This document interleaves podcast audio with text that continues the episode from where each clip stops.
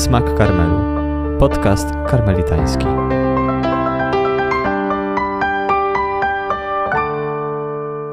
Witajcie.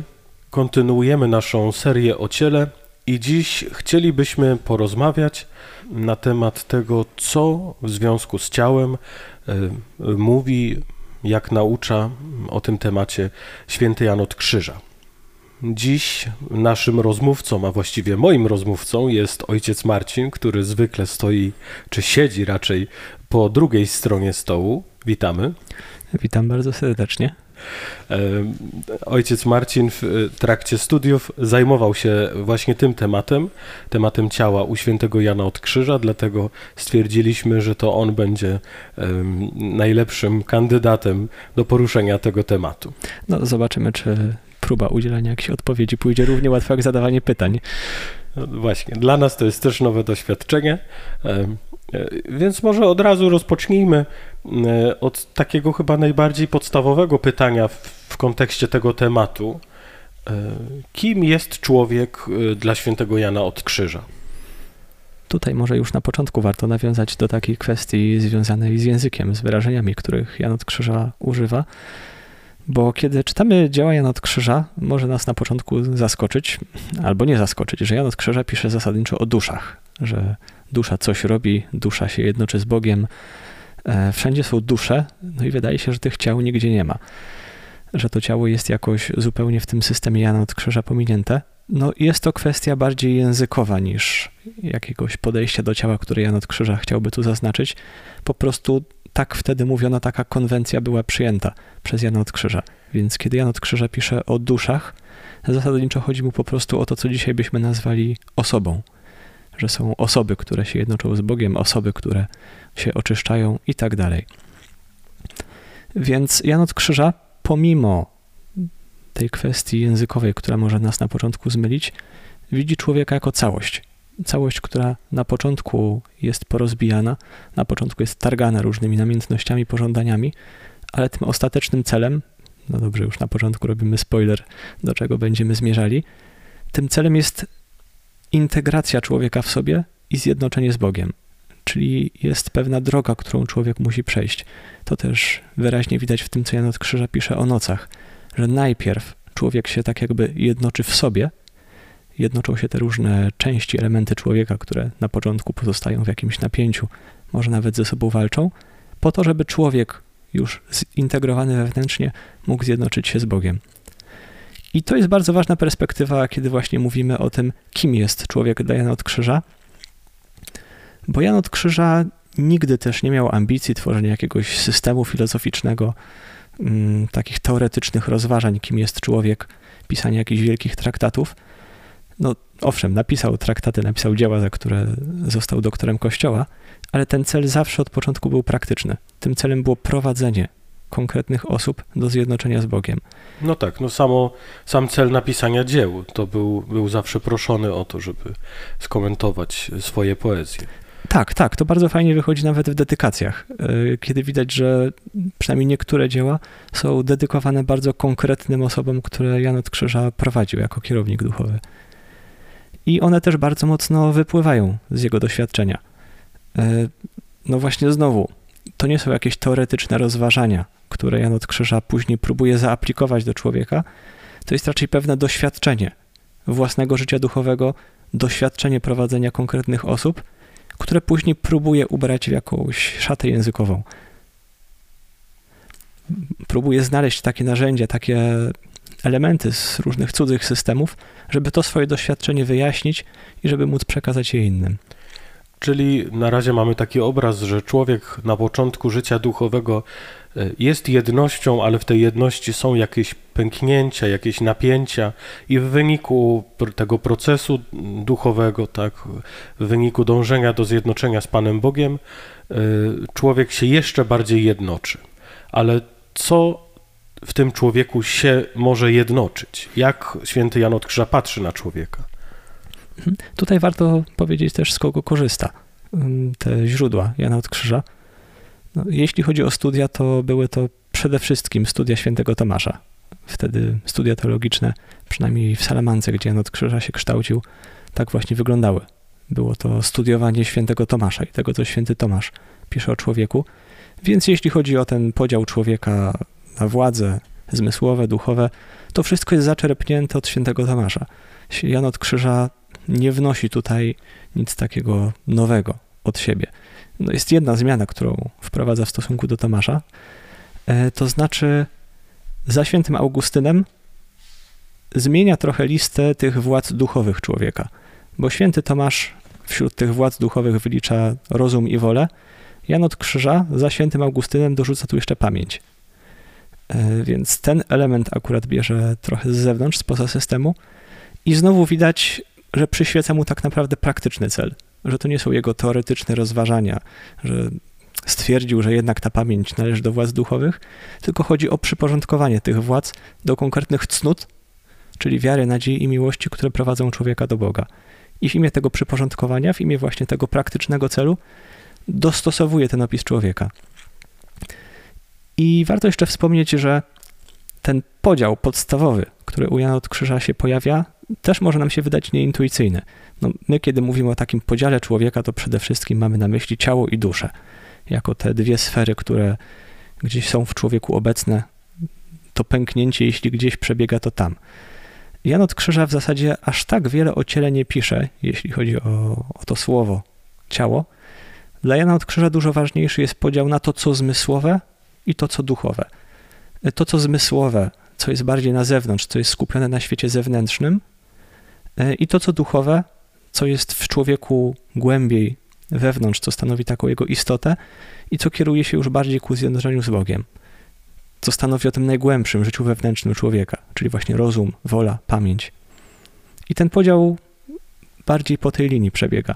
I ciało jest włączone w to, co zmysłowe. Razem z tymi wszystkimi zmysłami, które mamy, czyli węch, smak, słuch, dotyk i tak dalej. To jest sfera tego, co zmysłowe, a z drugiej strony mamy to, co duchowe, czyli właśnie przede wszystkim pamięć, rozum i wolę. Y, ale mm, czy w takim wypadku można powiedzieć, że te dwie sfery są sobie jakoś przeciwstawione? To, co zmysłowe, jest wrogiem tego, co cielesne?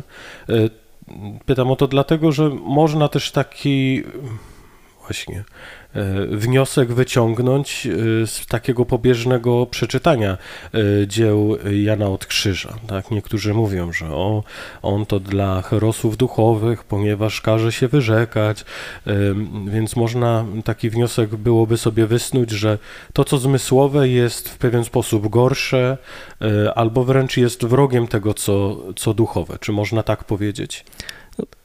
Trudno byłoby chyba udzielić takiej prostej odpowiedzi. Tutaj są pytania, na które nie da się odpowiedzieć tak lub nie. Faktycznie da się zauważyć pewne napięcie e, pomiędzy tym, co zmysłowe i tym, co duchowe. To na pewno.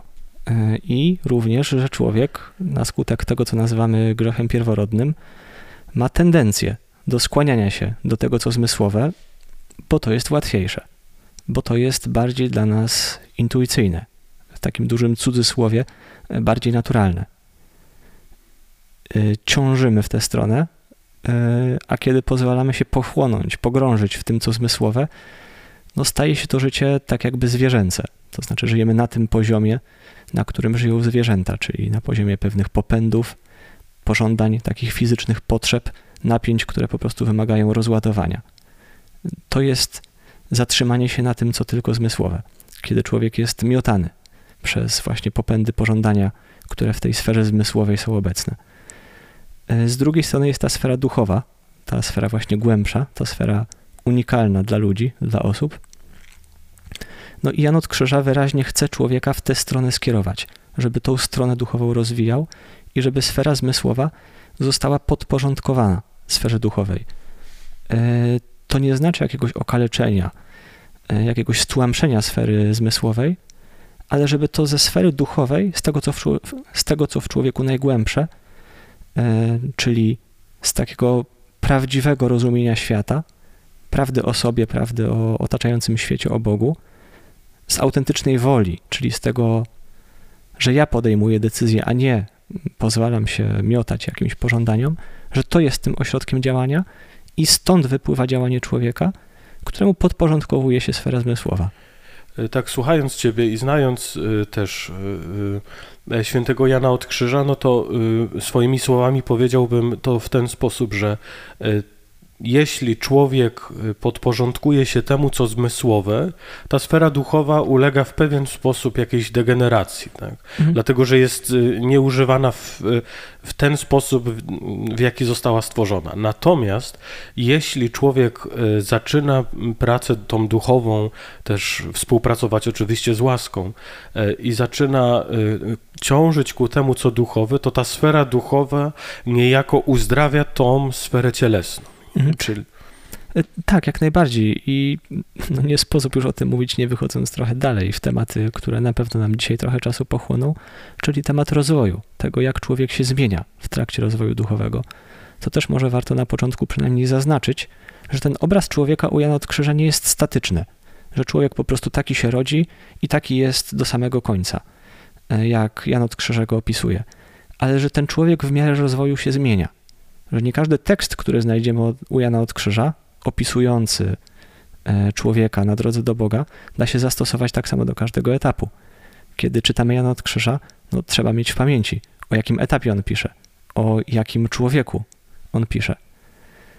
Więc dlatego właśnie mówiłem, że nie da się odpowiedzieć do końca tak albo nie na to pytanie, bo to, co dotyczy człowieka na początku jego drogi duchowej, czy w tym punkcie wyjścia, w takich ustawieniach domyślnych, w których się rodzi, niekoniecznie będzie go dotyczyło już u kresu drogi, kiedy ta integracja, to zjednoczenie człowieka w środku jest już dokonane. Skoro już powiedziałeś trochę mm, na temat tego rozwoju i, i tego dynamicznego rozumienia e, człowieka przez świętego Jana od Krzyża, co jest zresztą spójne chyba z tym, o czym pisze y, też święty Paweł w swoich listach, o tym, że jest y, to, co duchowe i to, co cielesne w nas i, i że jedno z drugim walczy. Właśnie idąc w kierunku tego, co duchowe, to, co cielesne się uzdrawia.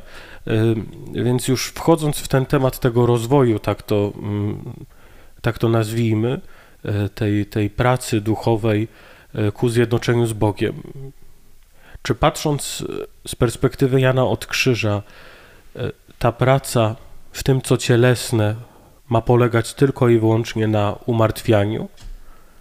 Dlatego, że mm, często mm, taką tezę o świętym Janie się słyszy. No tak, czasem nawet niektóre wizerunki e, zdają się na to wskazywać. Jan od Krzyża albo jakąś dyscypliną w dłoni jest taki słynny hiszpański wizerunek właśnie od krzyża, który no wręcz może przerażać, jak się tak natknie na niego w ciemnym pokoju. E, no i niektóre życiorysy, które też w tę stronę idą, podkreślając tylko ten wymiar wyrzeczenia ascezy, takiej właśnie ascezy no, cielesnej. No ale znowu, sprawa się niuansuje. Jan od Krzyża na pewno nie odrzuca konieczności jakiegoś wyrzeczenia, no właśnie dlatego, że ta sfera zmysłowa jednak ciąży do dominacji, że mamy naturalną tendencję, żeby się w niej pogrążać. I nie ma co się łudzić, że bez wysiłku się uda to wszystko załatwić. E, byłaby to jakaś utopia i coś zupełnie obcego Janowi. Ale Jan raczej przekierowuje uwagę na to, co jest faktycznie istotne. I tym, co jest faktycznym problemem dla Jana od Krzyża, nie jest wcale ciało, albo to, że odczuwamy jakąś przyjemność, która jest zła i której musimy się pozbyć. Problemem nie jest odczuwanie, tylko problemem jest pożądanie, e, czyli zaangażowanie już mojej woli, że moja wola, która powinna kierować się ku Bogu, która powinna się kierować ku temu, co jest prawdziwie i autentycznie dobre, kieruje się w jakieś inne kierunki i po prostu się rozprasza. E, kieruje się ku temu, co nie daje zaspokojenia, co nie daje nasycenia, jak pisze Jan od Krzyża.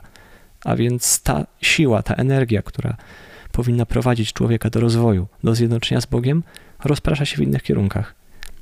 I wyrzeczenie, również to wyrzeczenie cielesne, jest formą przywrócenia uwagi do tego, co faktycznie istotne, skupienia się na tym, co prowadzi mnie do mojego prawdziwego dobra i również do prawdziwego rozwoju jako człowieka można to przełożyć na dość taki, może nie banalny, ale dużo bardziej codzienny, czy przyziemny przykład chociażby diety sportowca. Sportowiec, który ma jakiś cel, chce osiągnąć mistrzostwo, wiadomo, że wielu rzeczy musi się wyrzec, że nie będzie spożywał alkoholu albo jakoś bardzo to spożycie ograniczy, że nie będzie się żywił w McDonaldzie albo bardzo sporadycznie, ale nie dlatego, że McDonald's jest zły, że alkohol jest złem, tylko dlatego, że ma swój konkretny cel, na którym jest cały skoncentrowany i wie, że to temu celowi nie służy. Y, owszem, musi podjąć wyrzeczenie, ale to jest zawsze wyrzeczenie w imię tego większego celu i skoncentrowanie energii, skoncentrowanie wszystkich wysiłków na tym jednym. No, to chyba jest bardzo też ewangeliczne. Z kolei przechodzimy na ten poziom przypowieści, przypowieść o skarbie, przypowieść o perle, gdzie osoba inwestuje wszystko, co ma, angażuje wszystkie swoje siły w zdobycie tego jednego, co jest istotne. Nie wiem, czy była to odpowiedź na pytanie, które zadałeś. Y, to znaczy, mm, bardzo mi się spodobało to, co powiedziałeś. Jeszcze nigdy tego w taki sposób nie usłyszałem. Y, mm, y, powiedziałbym to znowu swoimi słowami, ta bardzo pozytywna, bardzo pozytywna wizja i podejście do e, umartwienia u Jana od Krzyża. E, I myślę, że właśnie mm, tego mm, współczesnemu światu też brakuje, nie? Mm, żeby, żeby spróbować zobaczyć to umartwienie od strony pozytywnej. I myślę, że faktycznie to, to podejście od strony celu y, może może przynajmniej niektórych przekonać do, e, do lektury i, i, do, i do próby wprowadzenia tego, co święty Jan od Krzyża mówi o umartwieniu w życie. Natomiast ja bym chciał wrócić do tego, do tego tematu, że nie jest problemem zjedzenie tego hamburgera w, w McDonaldzie, tak, czy czekolady, albo posłuchanie dobrej muzyki, e, tylko problemem jest moje przywiązanie do, e, do tej przyjemności związanej z z, no właśnie, z, z, tym karmieniem swoich zmysłów w pewien konkretny sposób, nie jest problemem, tak przynajmniej ja to rozumiem, nie wiem czy Jan od Krzyża też tak to rozumie, ale nie jest problemem dlatego, że no, też między innymi po to zmysły zostały w nas stworzone, żeby te pewne przyjemności, e, no właśnie przyjemności zmysłowe były, by, żebyśmy byli w stanie te przyjemności odbierać. No tutaj jest chyba niezwykle istotny z jednej strony kontekst obrazu Boga, z drugiej strony kontekst no, całej właśnie antropologii teologicznej, czyli tej historii teologicznej człowieka. Obraz Boga, mam na myśli to, że Bóg no właśnie takimi nas stworzył. Yy, I Bóg jest konsekwentny. Jeśli dał nam zmysły, dał nam zdolność odczuwania przyjemności, no przecież nie po to, żeby teraz nam to pozabierać. Dostałeś coś tak wspaniałego, no ale teraz jest moją wolą, żebyś to wszystko odrzucił e, i w ten sposób oddasz mi chwałę. No jest to jakiś obraz Boga, raz, że niespójny, dwa, że kapryśny i w ogóle dość okrutny. Boga, który się bawi człowiekiem. Więc absolutnie nie to jest celem. Nie jest celem wyrzeczenia cierpienia samo w sobie. Nie jest celem wyrzeczenia no właśnie samo wyrzeczenie. E, żeby to wyrzeczenie trzymało się spójnie jakiegoś obrazu Boga, który da się przyjąć, no musi być w imię jakiegoś większego dobra. No tutaj właśnie pozostaje to pytanie, co jest tym większym dobrem Dajana od Krzyża, które uzasadnia aż tak radykalny program życia. No tak, no i Jan od Krzyża y, używa tutaj y, też chyba obrazu zaczerpniętego, no nie tyle obrazu, co systemu zaczerpniętego od Tomasza, czyli te cztery namiętności, które jakoś gnają wolę ku jakiejś konkretnej rzeczywistości. E, I tak naprawdę można powiedzieć, że cała praca nad umartwieniem ma polegać właściwie na tym, żeby to te namiętności oczyścić, tak? czyli y, ból, nadzieję, radość i, i lęk. Czy można w jaki sposób dla Jana od Krzyża to oczyszczenie zmysłów wpływa na oczyszczenie tych namiętności? O, to już są bardzo szczegółowe pytania. Natomiast y, pamiętam z drogi na górę Karmel, że Jan od Krzyża też nigdzie nie pisze, że te namiętności znikają, czy że właśnie zostają jakoś stłamszone, usunięte. One zostają znowu włączone w to zjednoczenie z Bogiem. No nie, no zostaliśmy stworzeni z tymi namiętnościami, więc one same w sobie są dobre, tylko że to przywiązanie do przyjemności powoduje, że właśnie moja nadzieja ta, w formie namiętności, czy, czy ten lęk, y, radość, y, one ciągną moją wolę nie ku Bogu, tylko ku kanapce, która akurat jest y, przed moimi oczami. Nie? I oczyszczenie ich powoduje, że ta, nawet ta kanapka będzie ciągła mnie y, do samego Boga. Tak? tak, i że będę Bogu oddawał chwałę, no właśnie jedząc tą kanapkę. Tak, kiedyś, kiedyś w jakiejś książce przeczytałem takie, takie świetne zdanie, które bardzo mi się podoba, o tym, że nikt e, nie zje e, wspaniałego jabłka dla chwały Pana Boga, dopóki najpierw dla chwały Pana Boga tego jabłka się sto razy nie wyrzeknie wcześniej. Nie? To znaczy, dopóki ta namiętność, która gna nas do wyboru zjedzenia jabłka na przykład, nie jest na tyle oczyszczona, że ja jestem w stanie zrezygnować z tego dla chwały Pana Boga, dopóty nie będę w stanie zjeść tak czysto dla miłości Pana Boga jabłka. Nie? No i tutaj chyba docieramy do słowa, które też dla Jana Krzyża jest kluczowe, e, mianowicie wolności. Bo chodzi o to, żebym był w stanie zjeść to jabłko w pełnej wolności, e, mogąc je zjeść, mogąc go nie zjeść i robiąc to, co w tej sytuacji jest najlepsze a nie dlatego, że do tego zjedzenia gnają mnie właśnie moje pożądania i namiętności.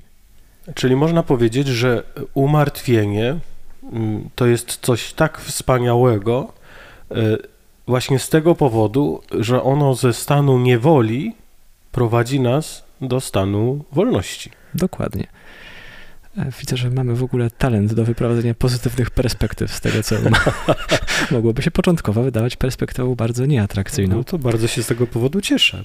E, wrócę jeszcze do tego drugiego wątku, który tam podrzuciłem, e, mianowicie wątku antropologii teologicznej i tej historii, bo też nie sposób mówić o tym, nie zdając sobie sprawy, czy nie mając w pamięci tego, na jakim etapie się znajdujemy, czy w jakim stanie się urodziliśmy. No właśnie tego, co teologia nazywa grzechem pierworodnym, czyli tego wewnętrznego pęknięcia w człowieku, które sprawia, że no, kierujemy się spontanicznie do tego, co jest łatwiejsze, bardziej przyjemne, a co niekoniecznie ma coś wspólnego z tym prawdziwym dobrem i prawdziwym rozwojem człowieka według tego, czym Bóg go zamierzył. I dlatego też no, nie ma innej drogi, jak przez wyżyczenie i przez pewne doświadczenie śmierci. Śmierci tych pożądań, śmierci dzisiaj moglibyśmy powiedzieć ego, egoizmu, tego skoncentrowania na sobie. E, I też jest to wyzwolenie, ale wyzwolenie wpisane w cały ten proces historyczny, zaczynający się od upadku pierwszych ludzi, kończący się na ostatecznym dopełnieniu historii. Jesteśmy częścią tego procesu i ona dokonuje się w nas. No i tutaj chyba dobrze już będzie przejść właśnie do tego bardziej dynamicznego wymiaru e, tego, co Jan od Krzyża pisze o ciele, dynamicznego, czyli właśnie co się w człowieku zmienia. E, bo kiedy czytamy Jan od Krzyża, no łatwo można wpaść w takie spojrzenie, że to, co Jan od Krzyża napisał, jakiś cytat, który znajdziemy, no to można tak samo odnieść do wszystkich etapów i że to jest jakaś prawda absolutna, którą można traktować zupełnie bez kontekstu. No, nie jest tak. Nawet kiedy spojrzymy na dzieła, e, te cztery dzieła większe, widzimy, że Jan od Krzyża pisze tam o różnych etapach. Na przykład w pieśni duchowej mamy w zasadzie opis całej tej drogi duchowej. Od pierwszego nawrócenia, tego, czy tego, co bardziej może tego drugiego nawrócenia, Właśnie, czyli tego może raczej drugiego nawrócenia. E, całościowego skoncentrowania się na Bogu, aż po szczyty mistyki. Że wypomnij miłości sięga może nawet jeszcze dalej w te szczyty mistyki, ale traktuje tylko o tych szczytach. Więc jeśli coś znajdziemy w żywym płomieniu miłości, no wiemy, że Jan od Krzyża pisze zasadniczo o tych osobach już u szczytu zjednoczenia z Bogiem, chyba że wyraźnie zaznacza inaczej. W pieśni duchowej, no to już trzeba dużo większej ostrożności, żeby stwierdzić, o jakim etapie życia duchowego Jan od Krzyża mówi. Tym bardziej, że często wypowiada się w pierwszej osobie, z perspektywy tej osoby, która przez ten proces przechodzi. Więc mamy z jednej strony autora, który już przeszedł przez ten cały proces i patrzy wstecz na niego i interpretuje to, co się tam dzieje, z perspektywy właśnie już osoby, która czegoś doświadczyła i to zrozumiała, a z drugiej strony mamy te liryczne wyznania duszy, która poszukuje Boga, jest miotana tą tęsknotą za Bogiem, pragnieniem Boga, no i ona jeszcze nie wie, do czego to prowadzi, czy jakie są dalsze kroki, albo czym tak naprawdę jest to doświadczenie, w którym tkwi obecnie, chociażby doświadczenie nocy ciemnej. Jan od Krzyża, będąc już po tej drugiej stronie może powiedzieć o szczęśliwa nocy, która się mnie prowadziła, no ale na pewno nie powie tego osoba, która siedzi w samym środku tej ciemności i czuje się w ogóle opuszczona przez Boga. To może teraz przejdźmy, czy spróbujmy porozmawiać chwilę na temat tych procesów, które mogą e, zachodzić na różnych etapach tej, tej drogi duchowej. E, więc jaka jest relacja tego, co cielesne, do tego, co duchowe w człowieku na samym początku tej, e, tej drogi duchowej, według Jana od Krzyża? No na początku właśnie jest dużo napięcia. Ta relacja jest skomplikowana, moglibyśmy powiedzieć. To skomplikowane. Tak, to skomplikowane. Ta relacja jest dość trudna, no właśnie dlatego, że ta naturalna tendencja, która nas kieruje do tego, co zmysłowe, jest jeszcze bardzo mocna. Ona jeszcze w ogóle nie została jakoś poskromiona, ujarzmiona.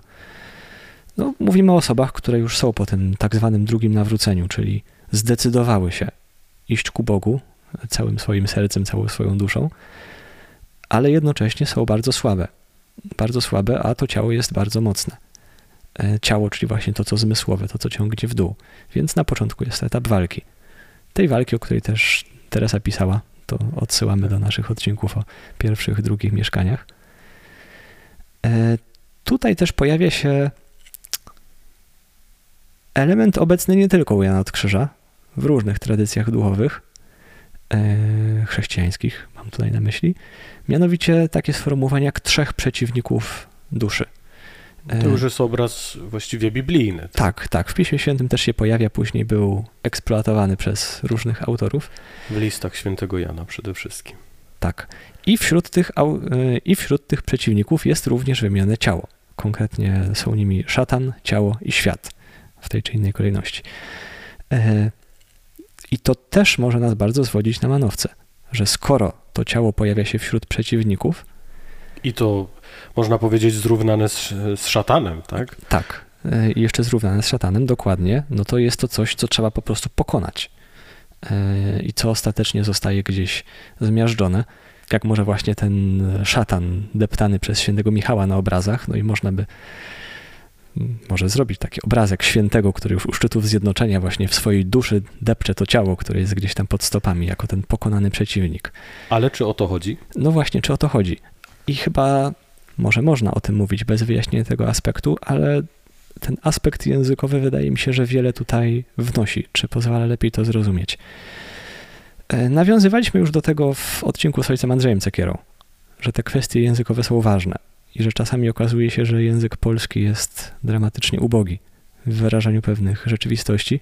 No i bardzo mocno to wyszło właśnie przy kwestii ciała u Jana od Krzyża.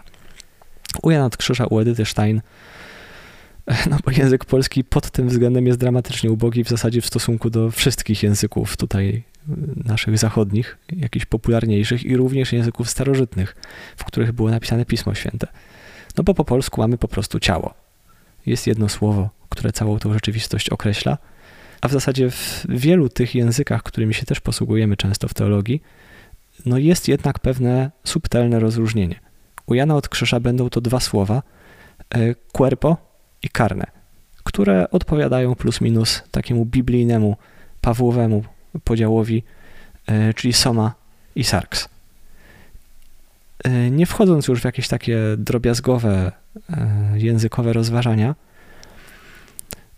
to określenie cuerpo, czyli soma jest bardziej neutralne. Odnosi się po prostu do jednej ze sfer człowieka, którą człowiek ma, która właśnie no, ma zostać zjednoczona z Bogiem, ma zostać włączona w to ostateczne zjednoczenie. Natomiast to określenie karne, sarx, jest bardziej abstrakcyjne, e, odnosi się nie tyle do tego ciała, które mamy, co bardziej do jakiejś ogólnie pojętej cielesności, która ściąga to, co duchowe w dół, która obciąża.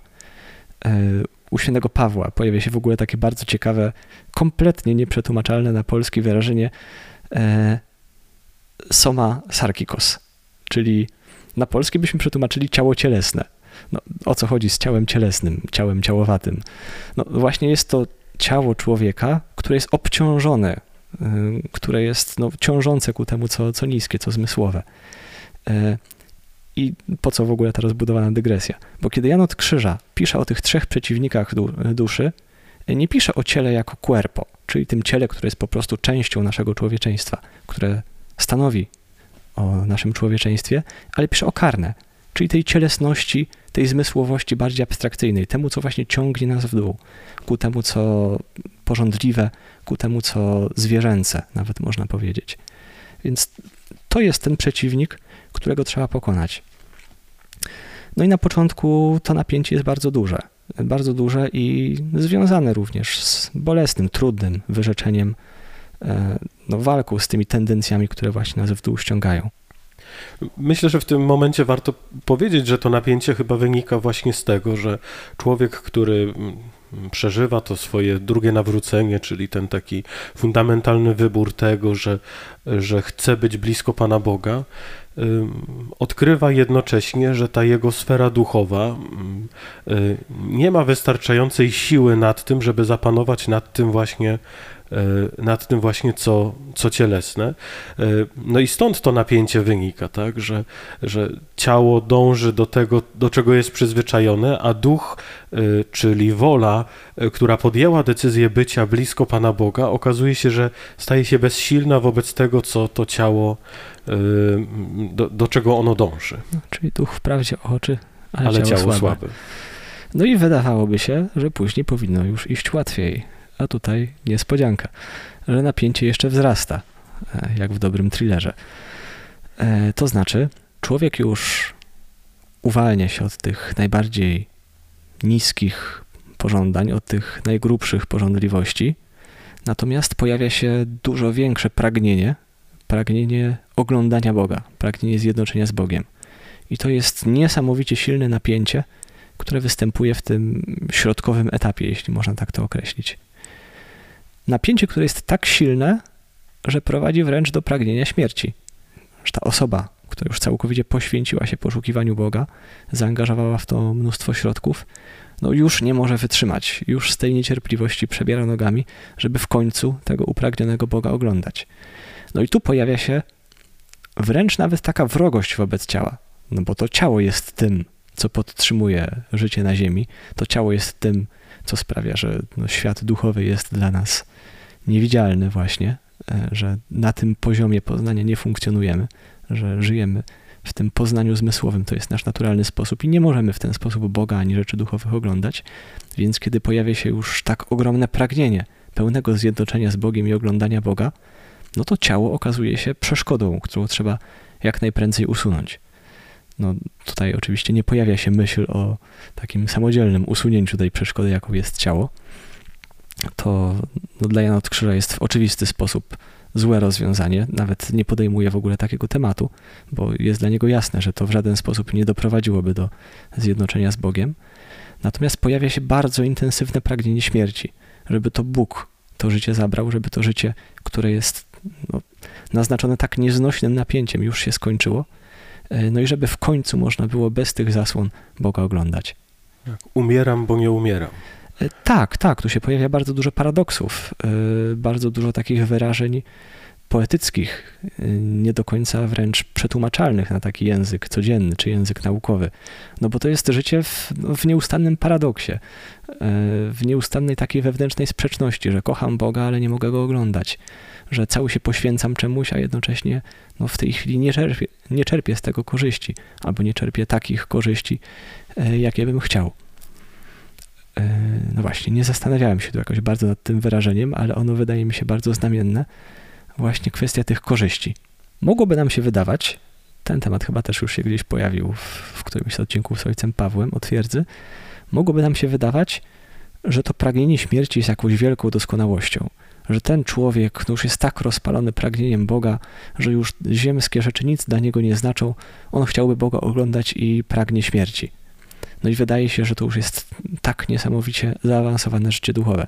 Przepraszam, jeśli to jakaś mocna ironia pobrzmiała w moim głosie, bo Jan od Krzyża też jest tutaj bardzo zdecydowany. E, to znaczy pisze, że na tym etapie pragnienie śmierci jest niedoskonałością naturalną. Takiego wyrażenia używa. To jest chyba coś, o czym pisze też święty Paweł, bodajże w liście do Filipian, e, kiedy mówi o tym, że chciałby odejść, żeby być z Chrystusem, ale z drugiej strony wie, że dla nas konieczne, czy dla tych, do których pisze, jest konieczne, żeby on został. I święty Paweł daje tutaj to świadectwo, że być może już tej, e, tej, e, tej naturalnej niedoskonałości w sobie nie ma, dlatego że pozwala, żeby to Bóg zdecydował. Tak? Nie napiera już na niego z tą, e, z, to, z tą nachalną propozycją, żeby zakończył już jego życie, bo już chce go oglądać twarzą w twarz. Tak, no Paweł właśnie pisze z perspektywy osoby, która, mówiąc językiem takim psychoterapeutycznym, już to przepracowała. E, i już jest pogodzony z tym, że no jest w tym życiu. E, i tym, co jest priorytetowe, jest pełnienie woli Bożej. Czyli to, co Paweł określa właśnie jako dla was bardziej konieczne, że moje życie tu, gdzie jestem, tu i teraz, służy wypełnieniu woli Bożej, służy zbawieniu tych, którzy są wokół Niego, dlatego tak, on ma pragnienie oglądania Boga, to pragnienie jest ogromne i ono nie znika w żaden sposób. Ale jednak Paweł wie, że są rzeczy ważniejsze niż to moje zaspokojenie, że to ja będę w tym oglądaniu Boga szczęśliwy. Czyli mówiąc, mówiąc językiem czy obrazem świętej Teresy, to tutaj następuje to, to drastyczne przejście pomiędzy szóstym a siódmym mieszkaniem, tak? Czyli, czyli tym, tym, tym napięciem tego, że e, właśnie moja natura tak bardzo dąży do, do oglądania Pana Boga i wejściem do, do tego, co w tym siódmym mieszkaniu okazuje się takie zwykłe, proste, naturalne przygarnięcie codzienności, która mnie otacza. Ale wracając jeszcze do, mam nadzieję, że dojdziemy do, do tego szczytu. Natomiast wracając jeszcze do tego, e, tego dramatycznego napięcia, w tym momencie też e, oprócz tego, tego ogromnego pragnienia widzenia Pana Boga i nawet tych myśli, które Jan od Krzyża pokazuje, czy nazywa pewną naturalną niedoskonałością, o tym, że ja już chcę zobaczyć Boga, że ja już proszę Go o to, żeby zakończył moje życie, no mogą się też pojawić pewne fenomeny mistyczne, tak? E, w jaki sposób e, no, fenomeny mistyczne, które objawiają się też na poziomie zmysłowym, na poziomie naszego ciała. W jaki sposób Jan od Krzyża patrzy e, na to zjawisko, czy na tą część rzeczywistości duchowej? Mhm. Tak, o fenomenach za momencik. Jeszcze wrócę do tego obrazu mieszkań. No ja nie odważyłbym się aż tak jasnych przyporządkowań robić pomiędzy mieszkaniami a etapami. Natomiast na pewno, kiedy patrzymy na ten opis Teresy, E, w szóstym mieszkaniu to napięcie jest najsilniejsze, najba, najbardziej intensywne. I to jest też ten etap, kiedy pojawia się najwięcej tych fenomenów mistycznych. Natomiast samo to pragnienie oglądania Boga, ta myśl o, o tym życiu, które staje się coraz bardziej uciążliwe, myślę, że nawet dużo wcześniej się zaczyna. Nawet u osób, które już no, jakoś oddają się modlitwie, są w tej modlitwie zakorzenieni, no pojawia się taka myśl, że no dobrze, żyję na tym świecie, ale ale jednak czekam na coś więcej i to coś więcej staje się coraz bardziej atrakcyjną perspektywą. To znaczy tak, oczywiście. Ja w ogóle uważam, że pragnienie w życiu duchowym jest jednym z podstawowych jego katalizatorów i takich silników i ono jest w naszym sercu od samego początku, wynika z faktu w ogóle stworzenia.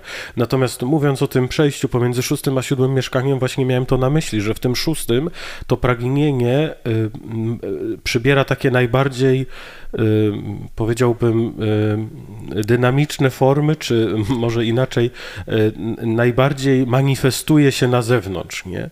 Również w postaci różnych przeżyć, takich jak na przykład te fenomeny mistyczne.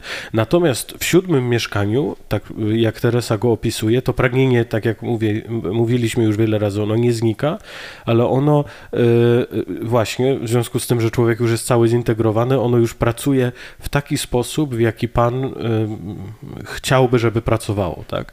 No, wracając do tych fenomenów mistycznych, dobrze, pozwól, dobrze. że będę drążył ten temat. Podrążmy trochę fenomeny mistyczne. No, Jan od Krzyża też część tych fenomenów mistycznych opisuje.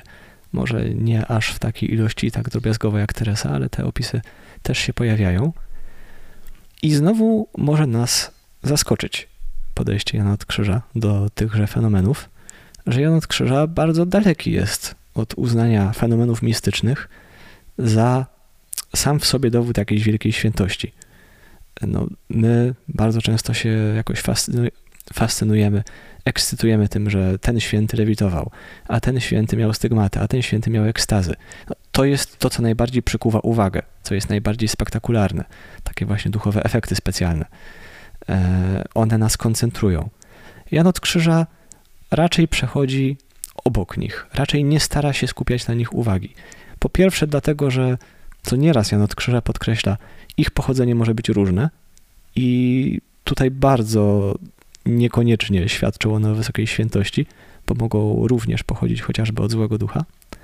Ale nawet kiedy te fenomeny mistyczne pochodzą faktycznie z udzielania się Boga, z tego niezwykle intensywnego doświadczenia Boga, e, no one same w sobie nie świadczą o właśnie tej dojrzałości, integracji, są bardziej czymś, co dzieje się przy okazji.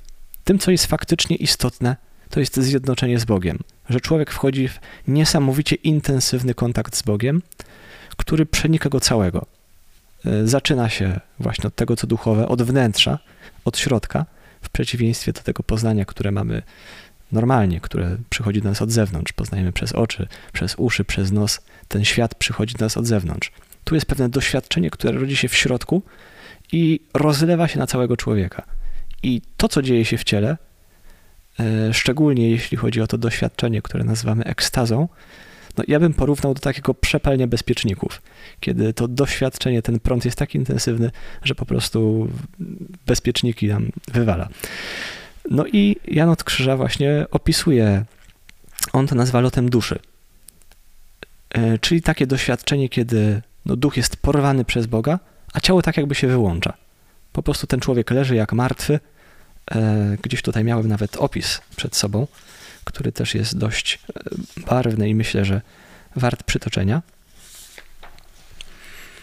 Dlatego też święty Paweł mówił, iż nie wiedział, czy był w ciele, czy poza ciałem w podobnym porwaniu. Nie należy jednak sądzić, że dusza opuszcza ciało i pozbawia jej życia naturalnego, lecz tylko, że nie ma w nim swego działania.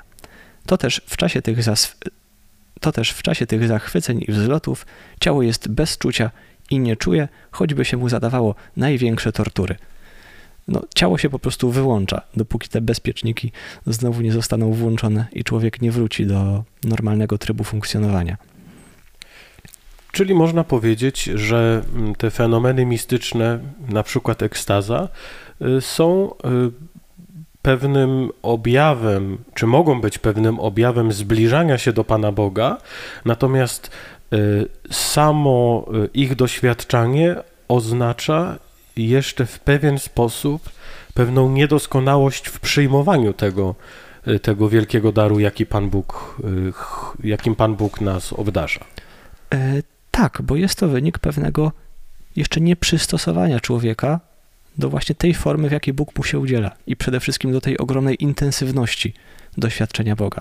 To jest zresztą doświadczenie bardzo trudne, e, nawet od takiej strony czysto fizycznej, e, bo to właśnie jak święty Jan czy święta Teresa opisują ekstazę, no to nie jest takie błogie, przyjemne doświadczenie, gdzie oni sobie leżą i doświadczają jakiejś rozkoszy, no, ale duch jest porwany przez Boga i tam faktycznie jednoczy się ze swoim Panem, e, a ciało no, przeżywa wręcz ogromne takie tortury czy męczarnie, bo dzieje się w nim coś, do czego ono zupełnie z natury nie jest przystosowane. Tutaj jeszcze znowu jeden cytat przytoczę. To jest akurat cytat z pieśni duchowej. Niekiedy odczuwa dusza taką męczarnię wśród podobnych, nawiedzających ją zachwyceń, że nie ma większej męczarni, która by tak wyłamywała kości i uciskała naturę. I gdyby jej Bóg nie podtrzymywał, nie mogłaby dłużej zostać przy życiu. E, tak, i tutaj się pojawia bardzo atrakcyjna perspektywa. Łamania kości. Nie, nie łamania kości, ale właśnie tego zakończenia życia. E, I właśnie w pieśni duchowej pojawia się ta myśl, żeby Bóg no już faktycznie udzielił się tak intensywnie, żeby to ciało zostało wręcz, no żeby ta więź z ciałem została całkiem zerwana żeby to oglądanie Boga no już zakończyło to życie ziemskie. To w żywym płomieniu miłości to jest ten obraz ostatecznego zerwania tej zasłony, która jeszcze y, tak delikatnie y, jest pomiędzy duszą a, a tym oblubieńcem umiłowanym. Mhm. Tak, tylko żywym płomień miłości to znowu już jest Oczywiście. ten etap przepracowany. Tak, tak. E, a w pieśni duchowej, no, ten obraz zawiera w sobie dużo większe właśnie napięcie E, dużo większe napięcie i dużo większe skoncentrowanie na sobie. Że to mi ciąży ta tęsknota i dlatego no, ukaż mi się tak intensywnie, żeby to życie się zakończyło. Więc no, dosłownie zabij mnie tym oglądaniem Ciebie. To jest myśl, która w Piśmie Świętym nieraz się pojawia, że człowiek nie może oglądać Boga i przeżyć. No, gdybyśmy to chcieli zinterpretować w kluczu Jana od Krzyża, no trzeba, trzeba by powiedzieć, że to oglądanie Boga tak jak w życiu przyszłym, no, byłoby tak intensywnym doświadczeniem, że ciało w którym żyjemy, nie byłoby w stanie go, go znieść, udźwignąć. To jest chyba myśl, która, o ile dobrze pamiętam, pojawia się w szóstej strofie. Ukaż się mi już prawdziwie, bez cienia i nie wysyłaj już tylko zwiastunów, które nie zaspokoją e, Mojego tego pragnienia. mojego pragnienia. To jest parafraza raczej tego, co e, święty Jan od Krzyża powiedział. Dobrze, e, i przejdźmy może do tego ostatniego etapu. W końcu. No właśnie, to co się takiego dzieje już na samym końcu? No właśnie nic się nie dzieje. Jakkolwiek paradoksalnie to brzmi, e, no Jan od Krzyża też jest tu jednoznaczny, że na tym etapie fenomeny mistyczne ustają. A przynajmniej te fenomeny mistyczne, które są związane z tym nieprzystosowaniem ciała do udzielania się Boga, czyli ekstazy, czyli jakieś takie bardzo e, spektakularne momenty przeżywania. No wiadomo, są dary, które służą Kościołowi, tak jak charyzmaty, czy które mogą być jakimś znakiem, tak jak stygmaty. To nie znaczy, że to wszystko się kończy. No to już zależy od woli Bożej po prostu i od tego, czy dany dar służy Kościołowi, ale znika to wszystko, co wcześniej było objawem nawet nie tyle niedojrzałości, co pewnego nieprzystosowania człowieka do tego doświadczenia Boga. I w tym momencie wszystko się uspokaja. I to doświadczenie, które wcześniej tak rozrywało człowieka, można powiedzieć też dzieliło go na kawałki, gdzie jedna część, ta część duchowa ciągnie bardzo intensywnie w stronę Boga, druga część, ta część cielesna nie nadąża i, i tam obciąża z tyłu, no teraz one idą razem i w wielkim pokoju e, otrzymują to Boże udzielanie się, to doświadczenie Boga. E, I jest tu jakiś wielki spokój. Spokój też od tej strony, że znika to pragnienie śmierci.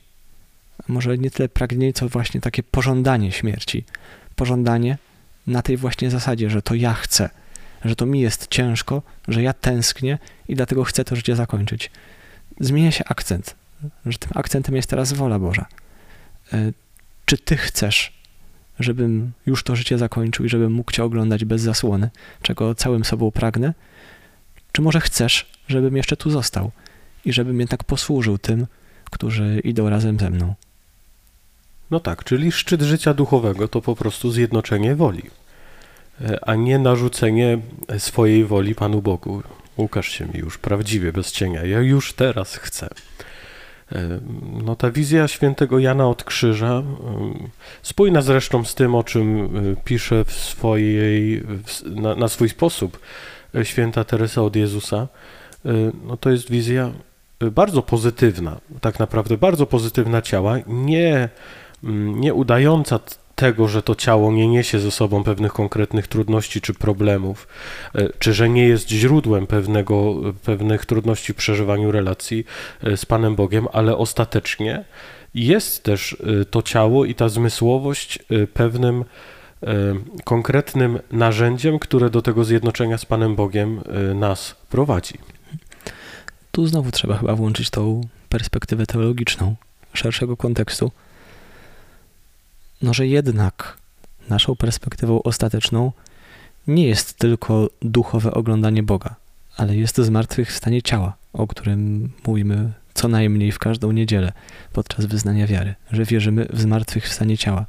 Więc nawet w tej ostatecznej perspektywie to cały człowiek jednoczy się z Bogiem, a nie tylko jakaś jego jedna wyróżniona część. E, I to też widzimy w tym rozwoju mistycznym. To jest bardzo spójne, że to nie dusza jednoczy się z Bogiem, a ciało zostaje no właśnie gdzieś tam po drodze, leży, leży w rowie przy drodze, zostawione na którymś etapie drogi duchowej, ale cały człowiek jednoczy się z Bogiem, zjednoczony też w sobie. Człowiek w pełni spójny i w pełni dojrzały.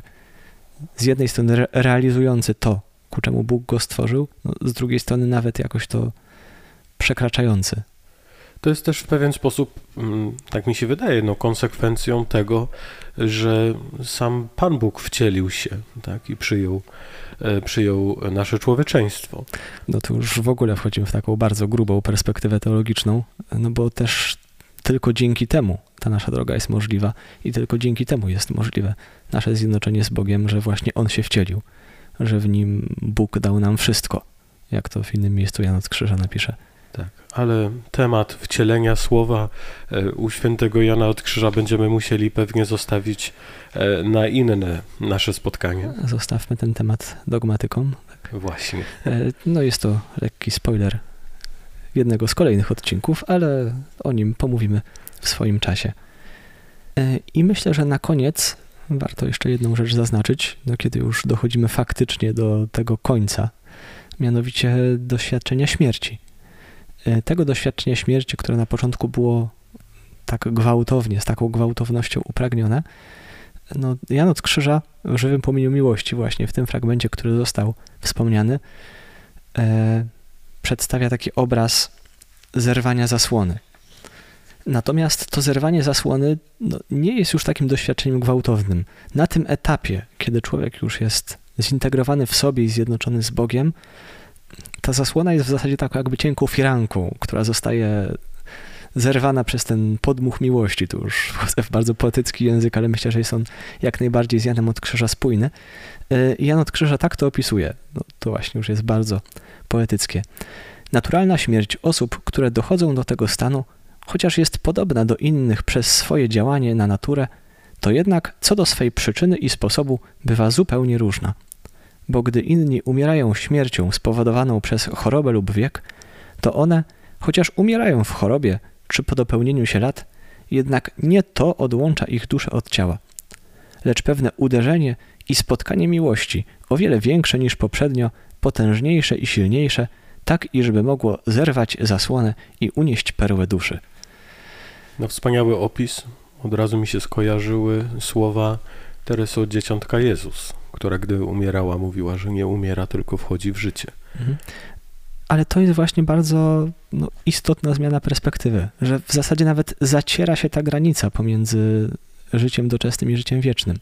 Ta granica, która wcześniej była no, tak intensywnie zarysowana i z której brało się to pragnienie śmierci, no, tutaj tak jakby się zaciera. Jestem tu, będę tam, no, a tak w zasadzie, może to za mocne wyrażenie, wszystko jedno bo to, co najistotniejsze już mam, czyli zjednoczenie z wolą Bożą i ta doskonała miłość ku Bogu, to już jest obecne, więc czego chcieć więcej? Można powiedzieć, że w tej perspektywie taka miłość, taka śmierć jest zawsze śmiercią z miłości. Tak, no tak właśnie Jan od Krzyża to opisuje. Tak też tego doświadczyła Teresa Dziesiątka Jezus. A zatem znowu na zakończenie naszej rozmowy ta perspektywa E, jawi się bardzo, bardzo pozytywnie.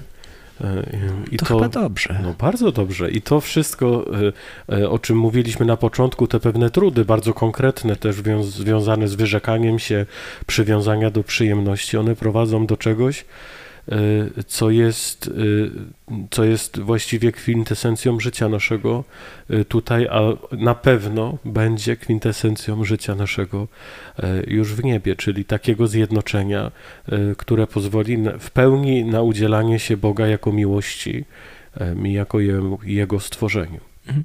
I już na koniec. Trzeba też zaznaczyć, że kiedy mówimy o tym rozwoju, kiedy jakoś staramy się go opisywać, kiedy analizujemy to, co pisze Jan od Krzyża czy, czy święta Teresa, też nie chodzi nam o stworzenie jakiegoś teoretycznego systemu. E, tylko kiedy zarysowujemy tą drogę, różne etapy, przez które prowadzi, no i ostatecznie tą bardzo pozytywną perspektywę, która nam się jawi e, u kresu drogi, no jest to coś, na co możemy spojrzeć stąd, gdzie jesteśmy, z tego miejsca, gdzie jesteśmy, które pewnie jest trudne pod wieloma względami, gdzie nie widzimy jeszcze tego spełnienia i co pozwala nam stwierdzić, że tak, to ma sens, że warto się nie poddawać i warto przetrwać te trudne momenty, no właśnie w imię tej perspektywy, o której czy Jan od Krzyża, czy Teresa od Jezusa zaświadczają, że ona jest dostępna, że Bóg chce nas tam doprowadzić, chociaż w tym momencie możemy zupełnie tego nie dostrzegać. To w takim wypadku, zachęceni tak wielkimi perspektywami i otwartymi horyzontami, dążmy do tego. A póki co, do usłyszenia w kolejnym odcinku. Do usłyszenia. Smak Karmelu. Podcast karmelitański.